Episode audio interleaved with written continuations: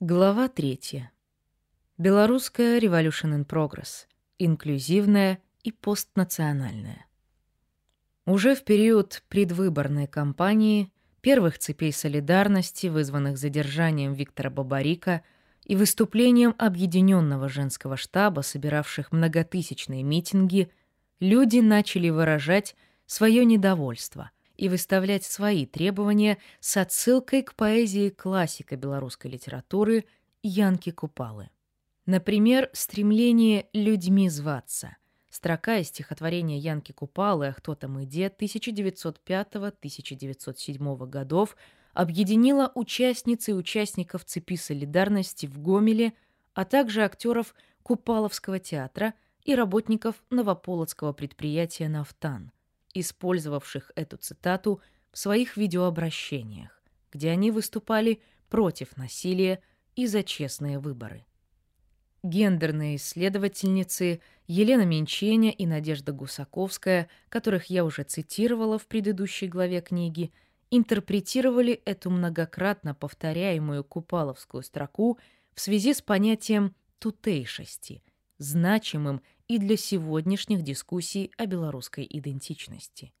Это понятие также отсылает к творчеству Янки Купалы, например, его знаменитой пьесе «Тутейшие» 1922 года, и подразумевает самообозначение белорусов конца XVIII – начала XX веков, как тех, кто живет тут, здешних, а не как тех, кто принадлежит к определенной нации. Использование этого понятия было обусловлено историческим вхождением разных частей белорусских земель в состав различных государственных образований Центральной и Восточной Европы. Великого княжества Литовского, Речи Посполитой, Российской империи, Советского Союза. Менялись как границы, так и титульные нации, в результате чего у разных групп населения, в том числе у разных поколений, складывалось различное, неравномерное понимание своей культуры, языка, религии, законов, литературы и так далее. В ситуации белорусской революции 2020, по мнению Елены Менчени и Надежды Гусаковской, именно тутейшесть, а не белорусская национальная идентичность, позволила формировать широкие альянсы и солидарность, потому что она выражала форму сообщества, возникшего ради объединения в ситуации огромной неопределенности, ужасающего насилия со стороны государства, а также крайней необходимости солидарности и взаимопомощи. Человеческое достоинство и общественная эмансипация. Стремление людьми зваться отвечает размышлениям современного французского историка Пьера Розенволана о самоощущении нового большинства в демократических странах, предпосылки для формирования которого возникли, по его мнению, еще в 1970-е годы, вместе с появлением новых социальных движений, выражающих борьбу за эмансипацию новых социальных групп. В начале же XXI века, по мнению Розенвалана, на месте традиционно понимаемого большинства как определенного количества людей, имеющих подтвержденные права, оказалась негативно настроенная совокупность, постоянно испытывающая дискомфорт из-за отказа в признании заслуг, нарушении прав, нестабильного положения. Эта совокупность людей объединяет опыт обездоленности, презрения, унижения, общность переживаний, которая также отсылает к понятию жертвы, определяемой через отсутствие, отказ во внимании и принятии всерьез. Ответом на нее, согласно исследователю, служит эмансипация, которая, начиная с ощущения, что вас слушают, что такие же жизни, как ваши, имеют социальный вес – и находит выражение в политике присутствия. Присутствие придает демократическому представительству характер постоянства. Власть становится как бы имманентной, погруженной в общество и идущей за ним. Эмпатическая власть оказывается выражением универсальной демократичности, всеобщей участливости, бытовой непринужденности, создания пространства без перепадов высот. Эти размышления Пьера Розенвалана о кризисе в начале XXI века репрезентативной демократии, обусловленном в том числе ростом социального неравенства в демократических странах и вызванном неолиберальной глобализацией последних 40 лет, отвечают формату белорусских протестов лета-зимы 2020 года. Их участницы и участники практиковали демократию – по ходу самих протестов, реагируя тем самым на насилие и пренебрежительное к ним отношение со стороны белорусского государства. Активные граждане стали видимыми и слышимыми друг для друга. Они боролись за усиление своего присутствия и при этом переживали опыт эмпатии, равенства и участливости. Насильственное отрицание права людей на видимость – поместила их ранимость, а затем заботу друг о друге в центр сопротивления, что позволило продолжать его несколько месяцев. А также насилие белорусского режима получило на международном уровне обозначение преступлений против человечности и интерпретировалось в терминах унижения человеческого достоинства. Дискуссия о правах человека и человеческом достоинстве – в том числе философские, приобрели интенсивность в последние годы и за пределами Беларуси. Для Юргена Хабермаса примеры ущемления человеческого достоинства являются толчком к возмущению, которое ведет к борьбе и вселяет новую, но все еще невероятную надежду на институализацию по всему миру прав человека. Контекст, в котором Юрген Хабермас возобновляет дискуссию о человеческом достоинстве, сорокалетний период неолиберальной глобализации, обернувшийся ростом неравенства в разных странах по всему земному шару, а также прекаритизацией, финансовым и миграционным кризисом и новыми вызовами экологического кризиса. Опыт униженного человеческого достоинства, поясняет Хабермас, – выполняет функцию разоблачения, например, невыносимых социальных и бытовых условий жизни или маргинализации объединенных социальных классов, неравное обращение с женщинами и мужчинами на рабочем месте, дискриминации чужаков и культурных, языковых, религиозных и этнических меньшинств, но также и мучений, испытываемых молодыми женщинами из эмигрантских семей, которые нуждаются в освобождении от насилия со стороны традиционных кодексов чести или брутальной высылки нелегальных иммигрантов и беженцев. В Беларуси переживание ущемления человеческого достоинства оказалось универсальным и одновременно специфическим опытом, что усилило его побудительную силу. Другими словами, выход различных социальных групп в публичное пространство обнаружил не только чрезвычайную уязвимость всего общества перед силовым аппаратом, но и специфические формы преследования каждой из групп, находящих свое выражение, например, в практиках лишения родительских прав протестующих родителей или в отправке протестующих студентов в армию в случае их отчисления из вузов.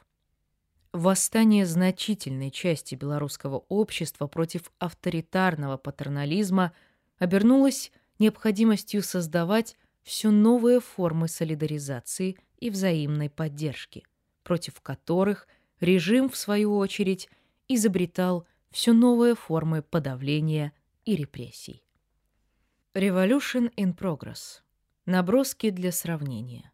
Украина и Армения. Недовольство граждан коррумпированным государственным управлением и широким пренебрежением их правами обусловило и украинскую революцию достоинства 2013-2014 годов. Однако во многих других аспектах белорусская и украинская революция принципиально отличаются. Толчком к революции в Украине послужили не сфальсифицированные выборы, как это было в случае Беларуси, а отказ со стороны президента Виктора Януковича подписывать соглашение об ассоциации между Украиной и Европейским Союзом, окончательно согласованное к началу ноября 2013 года. Для украинской революции достоинства геополитический выбор между Европой и Россией был решающим.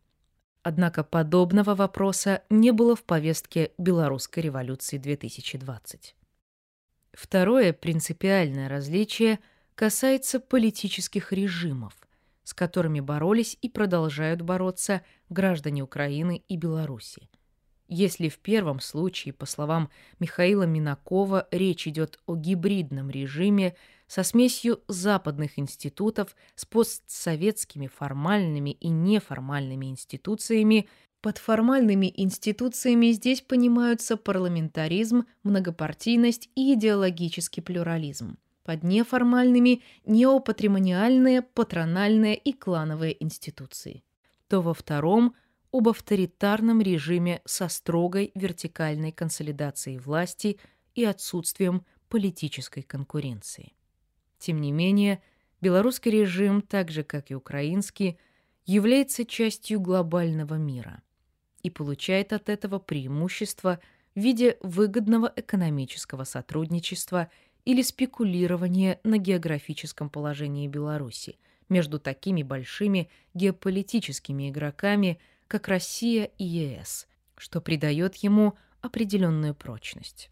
Так, в феврале 2015 года Лукашенко выступил в роли организатора Минских соглашений по Донбассу, международного саммита в нормандском формате с участием политических лидеров Германии, Франции, России и Украины. Большая близость белорусской революции и армянской определяет то, что в центре широкомасштабных протестов в Армении 2018 года также оказались понятия любви, толерантности и солидарности.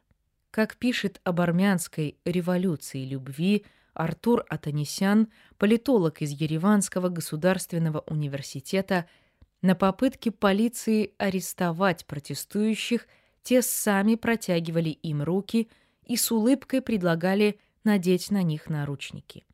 Девушки, протестующие, подходили к заграждающим путь полицейским и в ответ на попытки их арестовать обнимали их. В этой революции ведущая роль принадлежала молодым женщинам, которые выступали против традиционной маскулинной власти, что, делает вывод Атанисян, имело не только политический, но и гендерный аспект. Тем не менее, как и в случае Украины, в Армении не шла речь о настолько консолидированном и антиплюралистическом политическом режиме, как в Беларуси. Однако об итогах революции любви 2018 года другой армянский эксперт Аванес Гитян высказывается в том духе, что революция все же не дошла до конца – изменилось мировоззрение одной части народа, а что касается смены власти, то можно сказать, что изменилась только верхушка исполнительной власти. Среднее звено, муниципальные власти не изменились. Я уже не говорю о законодательной власти. И, конечно, самое трудное – это судебная власть. Подобный вывод прозвучал и на семинаре в ЕКЛАБ, который мы провели в полупубличном формате 18 сентября 2020 года, в самый разгар протестов в Беларуси, с участием армянских исследователей современного искусства и арт-кураторов Рубена Арешватяна и Назарета Караяна, а также правозащитницы Зары Аванесян. Именно армянские исследователи предложили использовать и в белорусском случае понятие «revolution in progress», которое считают продуктивным – для описания постсоветских трансформаций в Армении. В качестве отправной точки революционных событий в постсоветской Армении армянские исследователи обозначили 1996 год, когда в результате вторых после обретения Армении независимости в 1991 году президентских выборов, где официально победил Ливон Тер-Петросян, несколько сотен тысяч армян – вышли на улицы, чтобы их опротестовать. Ухода Ливона Терпетросяна протестующие не добились. Следующей важной вехой Revolution in Progress стал 2008 год, когда после очередных президентских выборов на улицы снова вышли сотни тысяч человек. Теперь сторонников Ливонтер Петросяна, ушедшего в отставку в 1998 году. Против них было применено огнестрельное оружие, что привело к гибели 10 человек и сотням доставленных в больницы людей. Однако протестующие так и не вынудили власти пойти им на уступки что отличает армянский протест от событий украинской оранжевой революции 2004 года. По мнению армянских исследователей, начиная с 2008 года и на протяжении 10 лет в армянском обществе формировалась новая переговорная мирная сила в форме многочисленных урбанистических, феминистских, правозащитных и других НГО, ориентированных на решение широкого круга социальных и коммунальных проблем, на которую в 2018 году и сделал ставку новый лидер, журналист Никол Пашинян. При этом, как я уже отмечала выше, его приход к власти в результате массовых протестов армянские эксперты рассматривали не как завершение революции, но как ее новую веху. Понятие «revolution in progress» может рассматриваться как то, что объединяет Беларусь и Армению.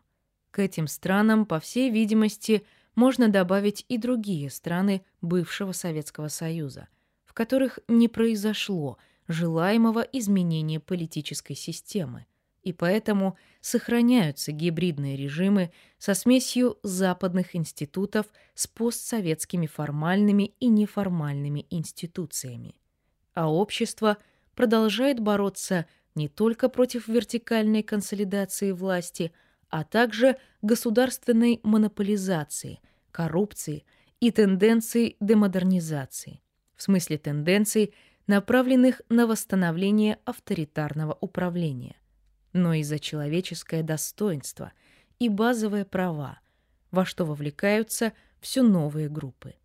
При этом у каждой из стран намечается своя собственная траектория с разными этапами, приливами и отливами, как отметил Назарет Караян, в борьбе за демократию и общественную эмансипацию.